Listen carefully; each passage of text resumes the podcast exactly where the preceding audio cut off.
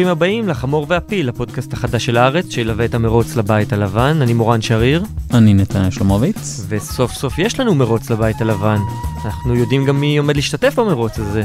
הרביעייה השלמה כבר כאן, משתי המפלגות, וזה בעצם גם החמור והפיל. לתוכניתנו הראשונה נסביר, החמור הוא סמל המפלגה הדמוקרטית, הפיל הוא סמל המפלגה הרפובליקאית, וכאן אנחנו נבוא לדון בסוגיות הבוערות של מערכת הבחירות הזאת מכל הכיוונים האפשריים. כשהשבוע הסוגיה הבוערת אה, זו ההכרזה הדרמטית או לא של ביידן על המועמדת לסגנית שלו. We're coming on the air with breaking news. Democratic presidential candidate Joe Biden has made his choice. California Senator Kamala Harris to be his running mate, the first woman of color in history to be chosen for such a position. So the Democratic ticket is Biden Harris. אז ג'ו ביידן, המועמד לנשיאות, הודיע רשמית שהסנטורית קמאלה האריס תרוץ לצידו כמועמדת לסגנית הנשיא. והיום נדבר על השאלות הבוערות האלה, למה ביידן בחר דווקא בה, האם ומה היא תורמת לביידן, ומה בכלל תורמים סגני נשיא למערכת הבחירות ואחריה. וכמובן לא נשכח את טראמפ ואת האפשרות שאולי יפסלו אותו או את ראשו לתוך הר.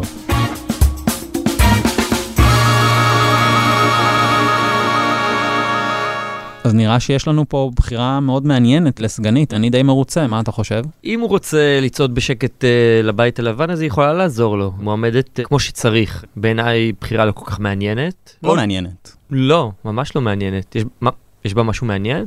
היא קצת שונה מסגני נשיא שאני ראיתי בעבר. אני די חושב שהיא אישה, יכול להיות שזה הופך אותה לקצת שונה? שונה משרה פיילין ו... ש... בוא נגיד ככה, אני לא זוכר את סגנית הנשיא שרה פיילין אה, מנופפת כזה ב- בימים מיוחדים. לא, לא, אני מסכים, ואני גם לא אתמם. כאילו, אישה, אישה שחורה זה, זה, זה לא מובן מאליו, נכון. זה... שחורים דווקא היו. היה איזה ברק אחד. נכון, אבל לא מייצג את האחוז שלהם באוכלוסייה ומתקרב לזה, ואני לא מזלזל. אוקיי, בואו ניתן לייצוגיות את המקום הראוי, ואני מכבד את זה, אבל האם אנחנו מתייחסים רק מגדר, צבע, ו... או שאנחנו מדברים על מהות? כי אם אנחנו חושבים כמו המפלגה הדמוקרטית, וייצוגיות זה הדבר היחיד שחשוב, אז אוקיי, יש לנו פה בשורה, יש לנו פה אישה, אישה שחורה, וזה כביכול מעניין. אבל אם נבדוק את ההיסטוריה שלה ואת העמדות שלה כפי שאנחנו יודעים, אין פה שום בשורה. ולמעשה זה ממשיך את הקו של המפלגה הדמוקרטית, שזה בעיניי מפלגה בורחת מבשורה. תן לי רגע לחזור ברגע לנושא שלנו, שהוא בעצם...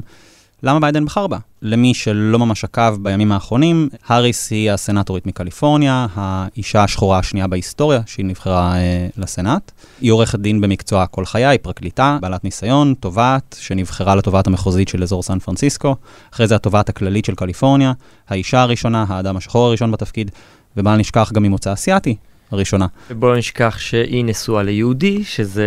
בשנים האחרונות. בסדר, זה בשנים החשובות. מאז שהיא סנטורית היא בהחלט נשואה ליהודי טוב, לכאורה, אני לא יודע, לא מכיר אותו.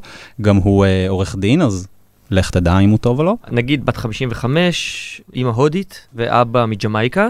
אכן, שילוב אה, לא, לא סטנדרטי, שהגיעו והיגרו לארצות הברית כדי ל- ללמוד לדוקטורט בברקלי.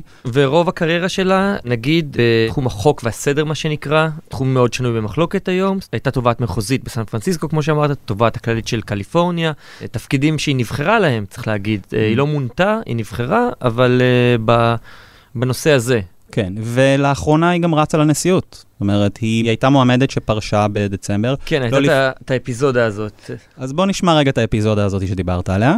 There was a little girl in California who was part of the second class to integrate her public schools. And she was bused to school every day. And that little girl was me. אז עכשיו שמענו את העימות הדמוקרטי מדצמבר האחרון, שהריס בעצם עקצה את ביידן על חקיקה שהוא תמך בה, חקיקה ליברלית, שהפכה להיות צלקת מאוד אישית בילדות שלה, של אינטגרציה בין שחורים ללבנים בבתי הספר. זה קטע שבטח נשמע עוד הרבה, ישמיעו לנו אותו, בעיקר רפובליקאים אולי, בשביל לנסות אה, קצת לסכסך ביניהם ולהראות שכל התמונות המשותפות שלהם עכשיו זה פייק, כי הם בעצם יריבים מרים. אבל זה לא מדויק. הקטע הזה היה קצת חריג, סך הכל יחסית ליריבים פוליטיים לאורך הפריימריז, וגם לפני, יש להם יחסים טובים, אישיים אפילו. נזכיר אה, שהבן של אה, ג'ו ביידן, בו, המנוח, היה התובע הכללי של דלאוור בזמן שקמאלה האריס הייתה התובעת של קליפורניה, הם היו קולגות וחברים טובים, עבדו ביחד. והיא חברת משפחה, מה שנקרא, וג'ו ביידן גם אמר שזה אחת הסיבות שהוא בחר בה, כי הוא יודע שהיא הייתה חברה טובה של הבן שלו. אז תן לי להיות רגע פיל לשנייה, אוקיי. אמ, ולהזכיר שהיו עוד נסיבות. היא לא הייתה הבחירה הראשונה שלו, אפילו לא בקבוצה המצומצמת ש- שהוא צומצם אליה. כזכור, הוא רץ, לפני שנה בעצם, הוא רץ כמועמד יורש של אובמה בשדה דמוקרטי שנחשב היסטורית הכי מגוון ברמה אתנית, מגדרית. להט"בית, מה שאתה לא רוצה, כל הקשת הייתה בפריימריז האלה. ואתה מדבר על הקשת שבסוף נבחר ממנה ג'ו ביידן בין ה-77. כן, אבל הלבן והוותיק והממסדי. זה נכון, אבל במקום השני הגיע גבר לבן בן 76, אז אתה יודע, יש איזושהי התקדמות יפה שאתה מסוימת. זוכר כפיל מי הגיע למקום השני, כי ההיסטוריה תשכח את זה, אבל, אבל בסדר, תמשיך, בוא נשמע. אז כן, אז הוא הבטיח לבחור אישה, זה נכון, ובעצם כל הסיפור הזה התכווץ, נזרקו לאוויר הרבה שמות, המועמדת שנחשבה מובילה בהתחלה הייתה דווקא אליזבת וורן, בתור האישה הפרוגרסיבית הכי בולטת במפלגה, ואז הגיע הרצח של ג'ורג' פלויד בחודש מאי, והלחץ בתוך המפלגה גבר כמו צונאמי, שזאת תהיה אישה שחורה. עכשיו, ברגע שהוא יתמקד בין נשים שחורות בלבד, ויש לו גם שאיפה אמיתית ואותנטית, שמי שתהיה הסגנית שלו תוכל גם לרשת אותו from day one, כמו שהוא אומר, אין הרבה נשים עם הרבה ניסיון. אין הרבה נשים שחורות עם מספיק ניסיון בארצות הברית. אישה שחורה מעולם לא הייתה מושלת אפילו בארצות הברית. מהמם. אז בעצם היו לו מועמדות ראויות, והוא כל פעם סונדל לכדי איזושהי קבוצה מאוד מצומצמת, שמתוכה אין ספק שקמאלה האריס היא המועמדת הטובה ביותר. כן, אתה כציניקן אולי מזלזל בסנטימנטים של אה, ג'ו כלפי קמלה והיחסים ה... אני חושב שהוא פוליטיקאי מנוסה. ניסחת את זה יפה, כן. אבל כל הזמן אמרו שהמודל של אה, ביידן ליחסים בין נשיא וסגן זה המודל שהיה לו עם אובמה, שמה שחשוב לו בבחירה זה שיהיה מישהו או מישהי למעשה, שהוא יוכל לעבוד איתה ותהיה שותפות פעולה ויחסי עבודה ואמון בריאים, ולא רק איזה דמות שתעזור לו לנצח את הבחירות ותאזן אותו אלקטורלית. ולכן אני כן מאמין לו, ואני כן חושב שלמקום החם שיש לה בלב ולאמון שיש לו בה, היה מקום גדול בבחירה שלה. אני מסכים איתך שבעקבות מוות של ג'ורג' פלויד, היה, אתה קורא לזה לחץ לבחור אישה שחורה, אני חושב שלא הייתה לו ברירה. הבסיס שלו במפלגה לא היה מוכן לקבל מועמדת לבנה. יכול להיות שאנשים לא היו יוצאים להצביע אם הוא היה בוחר באליזבת וורן. זה לא ל- נראה לי. מעבר לסיבות הטובות לא להצביע לאליזבת וורן, ויש כאלה, מעצם זה של טיקט שכולו לבן, לא משנה שהמועמדת לסגן אישה, הרבה אנשים לא היו יוצאים מהבית להצביע, ואנחנו יודעים מלקח 2016 שזה משמעותי, כי מספיק שמעטים לא יצאו מהבית להצביע וכבר uh, יש לנו עוד uh, כהונה של טראמפ. אז, אז- הוא, לק- הוא לקח את זה בחשבון, ולא היה לו ברירה אלא לבחור. אז בואו בוא. נעשה תרחיש אחר רגע. מהמם. הרי המועמדת המובילה הנוספת, כן, לפני ג'ורג' פלויד בעצם הייתה אליזבת וורן. מהמם. עכשיו, אם אנחנו חושבים רגע על המפלגה הדמוקרטית, בהקבלה לישראל, כן, אז המפלגה הדמוקרטית היא גוש. היא לא מפלגה, כמו שאנחנו חושבים על מפלגה, היא גוש. שמאל מרכז. שמאל מרכז ושמאל רדיקלי ושמאל אנרכיסטי ושמאל מה שאתה לא רוצה. זאת אומרת, המפלגה הדמוקרטית היא מכסה חצי מהמפה הפוליטית. אוקיי? כמו שגוש השמאל מרכז אצלנו. ובאמת יש לה נציגים מאוד מגוונים. והמחנה הת- התעצב והתמצק סביב שני מחנות. יש לנו את השמאל מרכז שהם הגדולים ביותר, כמו בישראל, כן? כחול לבן ויש עתיד. ושם בעצם מה שקורה לך זה שיש לך מועמד שמנצח בפריימריז שהוא ביידן, שהוא מכיוון השמאל מרכז, ואז במקום לאחד את הקואליציה שלו, הוא פשוט מתמקד ב base. הוא נתן מתנה ל base, ה base שלו הוא האוכלוסייה השחורה שנתנה לו את הניצחון בפריימריז, והוא מפרגן למועמדת. זאת אומרת, ככה אני רואה את זה, כשבפועל, אגב, הייתי אומר, האוכלוסייה השחורה, יש יותר סיכוי שתבוא להצביע בבחירות האלה כלקח מ-2016, לעומת תומכי סנדרס ווורן, אולי יותר סנדרס מוורן, שאולי פשוט לא יגיעו. למה שהם יבואו עכשיו אם הם לא באו, אה, שוב, לא באו, אה, אנחנו עושים קצת, אה, אה, מפשטים את זה ועושים נכון. הכללה, כי רבים הצביעו כמובן, אבל למה אתה חושב שהם יבואו עכשיו אם הם לא באו ב-2016? האמת שיש כמה וכמה מחקרים ומאמרים מאז 2016 על טראמפ. תתפלא, אבל כתבו עליו כמה דברים בשנים האחרונות. לא ציוצים של אה, לא בן רק. שפירו? לא, לא רק, לא רק. הרבה אנשים כמעין אי הצבעת מחאה, כן, נשארו בבית ב-2016 כי הם לא רצו להצביע להילרי, כי הם לא ראו הבדל בין הילרי לטראמפ אפילו, אז הם למדו את הלקח שלהם, אוקיי? שלוש וחצי שנים של טראמפ זה לקח נהדר לכל בן אדם שהוא ליברלי, על מה זה לא להצביע. לעומת זאת, תומכי סנדרס, שאגב, יש מספר לא מבוטל מתומכי סנדרס שבסוף ב-2016 הצביעו לטראמפ, זאת אומרת, הקול המתנדנד שלנו הוא לא בדיוק כמו שאנחנו אוהבים לדמיין אותו כל הזמן, כמו איזה אסופת דן מרידורים שפשוט עומדת על האמצע, על הגדר ומתלבטת. לא, הרבה פעמים מדובר כמה אחוזי הצבעה יגיעו, כמה תצליח להלהיב את ה base שלך לבוא להצביע. אני חושב שאם יש אנשים שחשבו שאין הבדל בין הילרי לטראמפ, אז קודם כל מגיע להם שהם קיבלו את מה שהם קיבלו, ואני לא רואה כבר את ההבדל הגדול בין ביידן לטראמפ בעיניים של האנשים האלו.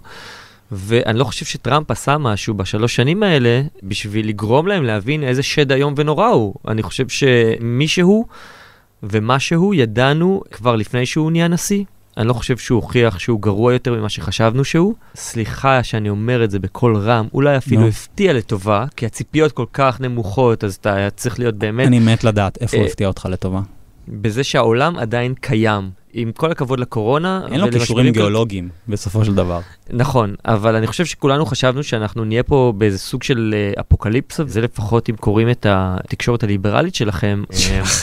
אה, אה, אפשר היה לחשוב שלא נספיק להגיע ל-2020 בשביל להעיף אותו מה, מהכהונה, ווואלה, העולם בסך הכל די בסדר, הכלכלה אפילו לא רעה. אני לא חושב היית ש... היית בעולם לאחרונה? אני כרגע יושב מולך, אתה רואה אותי. אני בסדר, לא, לא בשיאי, אבל בסדר. הכלכלה לא משהו. נכון, בסדר, הכלכלה לא משהו. אני לא בא עכשיו לסנגר ולהגיד שהוא נשיא גדול, אני חושב שהוא פחות גרוע ממה שעשו ממנו, הוא דמות שלילית אה, מהרבה בחינות, הכל בסדר, ידענו את זה כשהוא התמודד ב-2016. מי שלא יצא מהבית בשביל למנוע ממנו להגיע לבית הלבן אז, כנראה שהוא מפונק מספיק בשביל לא לצאת גם ב-2020 בשביל להעיף אותו. America is crying out for leadership. Yet we have a president who cares more about himself than the people who elected him. A president who is making every challenge we face even more difficult to solve. אנחנו עכשיו חוזרים בעצם נובמבר 2020. איזה יתרונות ואיזה חולשות קמאלה האריס מביאה לה לטיקט, כן? כפי שהאמריקאים קוראים למרוץ לנשיאות, כן? הטיקט של הנשיא וסגנית הנשיא mm-hmm. שיש לנו. כן. איזה, איזה יתרון אתה חושב שיש לה, או חיסרון? קודם כל יש באמת את העניין שבאמת היא אישה, היא אישה שחורה, שזה, אני לא מזלזל בזה, אני, אני חושב שיש בו המון עניין של רק של בסך הכל נראות וייצוגיות, אבל, אבל זה משמעותי להרבה בוחרים אה, דמוקרטיים. עזוב עכשיו את דעתי, שזה גם חשוב uh, היסטורית, אבל אנחנו מדברים עכשיו אלקטורלית כן. לחלוטין.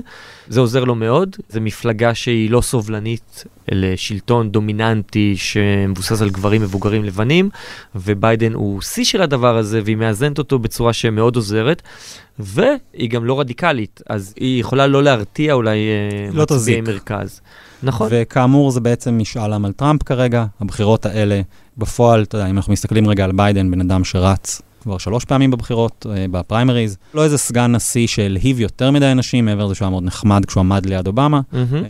בעצם זה משאל עם על אה, טראמפ, זאת אומרת, זה ביידן וקמאלה האריס. מספיק שהם פשוט יגיעו לשלישי בנובמבר עם דופק, יחייכו וינופפו ביד, וטראמפ, כרגע לפחות, לפי הסקרים, פשוט יוביל אותם לניצחון. קודם כל, זה לא מובן מאליו שביידן יגיע לנובמבר עם דופק. הוא צריך לעבוד. טפו טפו. כן. לא, אני מאחל לו אריכות ימים, אבל אנחנו גם uh, מכירים אותו. מועמד גם כשהוא היה צעיר ואנרגטי, היה לו פה גדול. נכון. ומאז הוא הפך לפחות אנרגטי, והפה רק uh, הלך ו... גדל. וגדל, וקצת איבד שליטה. יש לנו שלושה עימותים, בהנחה שטראמפ יגיע לעימותים, זה לא מובן מאליו. נכון. אנחנו עוד נגיע לשם. אבל אנחנו לא יודעים איך ביידן יתפקד שם, ומספיק איזה ליפסוס קל מאוד שלו בשביל שהכל יתהפך. אני ממש לא חושב שזה בכיס של הצמד הזה. אני חושב שזה כן עובד אולי לטובתם של הדמוקרטים, שבזמן שמכנים אותם מפלגת האנרכיה, וטראמפ מציג את עצמו כאיש חוק והסדר, יש להם סגנית שהיא אשת חוק וסדר. הבעיה היא שנראה שהיא מנסה להצניע את זה כדי לא להבריח את ה base הטהרני הדמוקרטי שמתנגד לאכיפת חוק בפועל אז, בשנים האחרונות. אז בואו בוא נשמע רגע אה, קטע שלה מפגינה את כישוריה כתובעת, אבל דווקא כסנטורית, בתשאול של התובע הכללי בסנאט. Has the president or anyone at the White House ever asked or suggested that you open an investigation of anyone? Yes or no, please, sir? Um, the president or anybody else. Seems you would remember something like that and be able to tell us. Yeah, but I'm, I'm trying to grapple with the word suggest. I mean, uh, there have been discussions of, of matters out there that uh, they have not asked me to open an investigation. But Perhaps they've suggested? I don't know. I wouldn't say suggest. Hinted? I, I don't know. Inferred? You don't know. Okay. שמענו עכשיו את קמאלה האריס בשימוע בסנאט מתשאלת את uh, התובע הכללי, ויליאם בר, על uh, מעללי ממשל טראמפ ומעללי משרדו. למעשה צולבת אותו. מראה בדיוק מה היא למדה בחדרי החקירות של סן פרנסיסקו. ובבית המשפט, כמובן. אין ספק שהכישורים שלה כתובעת, הם באים להזכיר בעצם את השאלה של למה בכלל אנחנו מתעניינים בה כסגנית נשיא, כן? היא בעצם אה, באה להיות ה... לא יודע, הבולדוג של ביידן? יש שוטרת הרעה, הוא הדוד החביב, דוד, דוד ג'ו, או סבא ג'ו. או סבא רבא ג'ו. בדיוק, תלוי כמה זמן הוא עוד uh, ימשיך להיות איתנו, והיא השוטרת הרעה, הקשוחה. זה נראה לי קשוחה יותר מרעה, והיא, בוא נגיד את זה ככה, היא באמת, uh, יש לה ניסיון ענף בלהכניס הרבה מאוד אנשים לכלא, מה שעושה לה בעיות קצת בבייס שלה. נכון, ואנחנו uh, רואים פה את האיזון בין המועמד לנשיא למועמדת לסגנית, שזה דבר שמאפיין הרבה מאוד uh, צמדים כאלה. היסטורית. שזה כמובן אומר כמה וכמה דברים, כן? הרי זה, זה משתנה לפי, לפי הסגן. אמ, אנחנו מדברים על נשיאים או אנשים שבעצם רצים לנשיאות והם צריכים מישהו שישלים אותם. אז אובמה היה צעיר, שחור, חסר ניסיון, בלי ניסיון במדיניות חוץ ספציפית, ואז הוא הביא את ביידן כסגנו, שהשלים בדיוק את החלקים האלה. נכון, והיו... גם אובמה נתפס גם כאליטיסט אה, מהרווארד, וג'ו הוא איש שמדבר למעמד הביניים והמעמד הנמוך בגובה העיניים. ונוסע ברכבת כל יום, נכון. עד שהוא היה סגן נשיא. בדיוק. הסגן באמת מאזן מאוד את הנשיא, אם אנחנו רוצים טיקט שידבר לכמה שיותר אה, אמריקאים. אין מה לעשות, לכל מועמד לנשיא יש את החסרונות שלו ואת החולשות ואת ה blind spotים, ומחפשים סגן שיביא את הקהל שאולי נרתע קצת מהמועמד הראשי, וכמעט בכל צמד של מועמדים אפשר למצוא את זה. זה יכול להיות הבדל גיאוגרפי. נכון, להשיג את המדינה המתנדנדת. אוקיי, יש לנו דוגמה היסטורית. אחרונה זה כבר הרבה מאוד זמן, כן? אבל אה, ג'ונסון הביא לקנדי את טקסס. נכון. למרות שבשפה הפוליטית האמריקאית זה מאוד שגור, אבל כשחושבים על הסגנים האחרונים, נגיד ב-2012, אז אה, פול ריין מוויסקונסין, הוא היה הסגן של מיט רומני, וויסקונסין הלכה לאובמה. היה לנו אותו דבר ב-2004 עם אה, אדוארדס. נכון. שהיה סגן של ג'ון קרי. אבל יש הרבה איזונים מהרבה בחינות. פנס מאזן את טראמפ בצורה מובהקת כנוצרי, שמרן, שאמור להביא את האוונגליסטים, שלא היה להם שום אמון בטראמפ. כי הוא אדם מופקר בחייו האישיים, והוא רחוק מאוד מהממסד הנוצרי הרפובליקני. והוא מניו יורק. כן. העיר האסורה. אה, מושבו של השטן. כן. אז התפקיד באמת להביא איתו מין איזה כומר צמוד שאומר, הוא בסדר, אני, אה, סמכו עליי, אני שומר כן. עליו, אני מפקח. נכון, וגם דיברנו גם על הגיל, ובאמת יש פה הרבה מאוד היבטים ש, שצריך להביא, וכמובן יש את הדוגמה הקלאסית של um, מקיין ופיילין, שמקיין גם רצה הוא ראה שיש מולו מועמד היסטורי, והוא רצה קצת היסטוריה בעצמו, והוא הביא את שר הפלין, מושלת נכון, אלסקה. היה לו מועמד שהכניס המון אנרגיה עם זה שהוא היה שונה וחריג בנוף המועמדים ההיסטורית, שזה אובמה השחור. הוא אמר, כן, אני אביא... חשבתי שאתה מדבר על ג'ו ליברמן. שזה גם אה, בחירה נועזת. זה מה שהוא רצה, זה מה שהוא רצה. הרצון שלו להביא את ליברמן היה נועז, להביא את פלין היה מאוד נועז, נכון. זה ההימור שנכשל, אבל מקיין הוא אדם נועז, אני אומר את זה לזכותו. מה שביידן לא כרגע, הוא לא נועז בבחירה שלו בכלל. לא. להביא את שרה פיילין זה גם לה, להגיד, אוקיי, אני שובר פה תקרת זכוכית, כמו שאובמה שובר, אני מביא מישהי צעירה, אני מביא אישה, ואני מביא גם מישהי שיש לה קרדיט בקרב, שוב, הנוצרים, אלה שנגדים להפלות, אבל נורא אוהבים לצוד, אנשים שלא כל כך uh, סמכו על מקיין, כי הוא היה חריג במפלגה הרפובליקאית ולא היה לו את הקרדיט השמרני הזה, והוא חשב שהיא תאזן אותו. והוא גם עשה תקדים של כמה עשורים טובים של לא ממש לבדוק מי היא. או לשאול אותה שאלות, או לדבר איתה. נכון, הוא קצת... ואז הופתע הוא... לגלות שיש לה דעות ששונות משלו. ושהיא לא יודעת הרבה.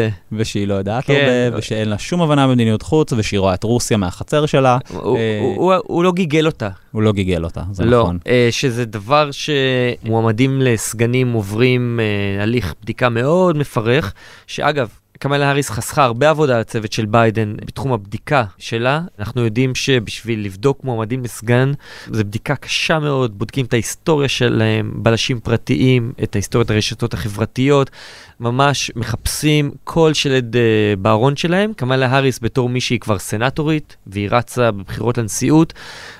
אפשר לצאת מנקודת הנחה שאת רוב השלדים בארון שלה כבר מצאו, וזה חסך הרבה כאב ראש לביידן. כשבוחרים אה, מועמד לסגן או סגנית שהם פחות מוכרים, כמו פיילין, אז אפשר לקבל הפתעות לא נעימות. אה, היסטורית, המקרה הכי מובהק של זה היה ב-72.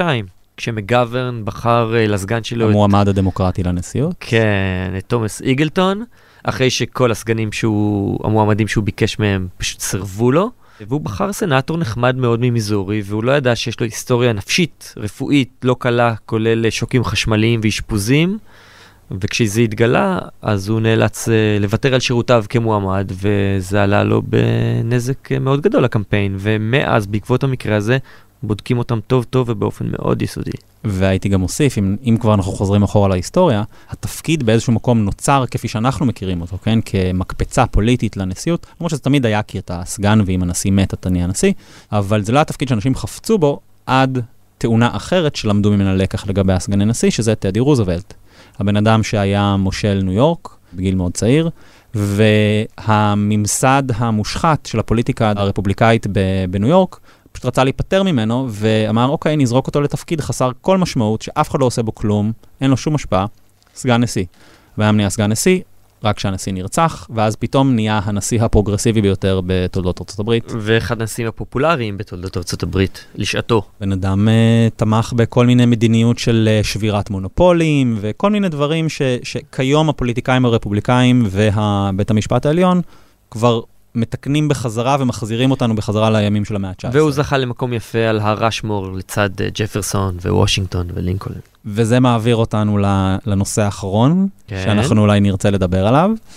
In our schools, our newsrooms, even our corporate boardrooms, there is a new far-left fascism that demands absolute allegiance זה היה אה, דונלד טראמפ, אה, נשיא הברית, בנאום שנשא ליד מאונט רשמור בדרום דקוטה, ב-4 ביולי. הסיבה שאנחנו חוזרים עליו דווקא עכשיו זה בגלל דיווחים שיצאו בשבוע האחרון, שמתברר שאנשי הצוות של טראמפ גיששו ורצו לבדוק, קרב המושלת של אה, דרום דקוטה, מה בדיוק הפרוצדורה להוספת ראש חמישי להר? ואפילו בדרום דקוטה בנו דגם לקראת הביקור של טראמפ כדי להראות לו, לדמות איך זה היה נראה, כי כמובן המושלת היא טראמפיסטית כזאת, ואין ספק שזה הלהיב אותו, הקונספט. ודאי שזה הלהיב אותו. מה שאני אוהב בזה זה לא שהוא מעוניין, או שהוא חושב שיש סיכוי שיוסיפו את הראש שלו, זה שהוא חושב שיש פרוצדורה. זאת אומרת, שיש איזה תנאים, תנאי סף, אולי טופס, המלצות. ושהוא יוכל פשוט להיות שם, ואתה יודע,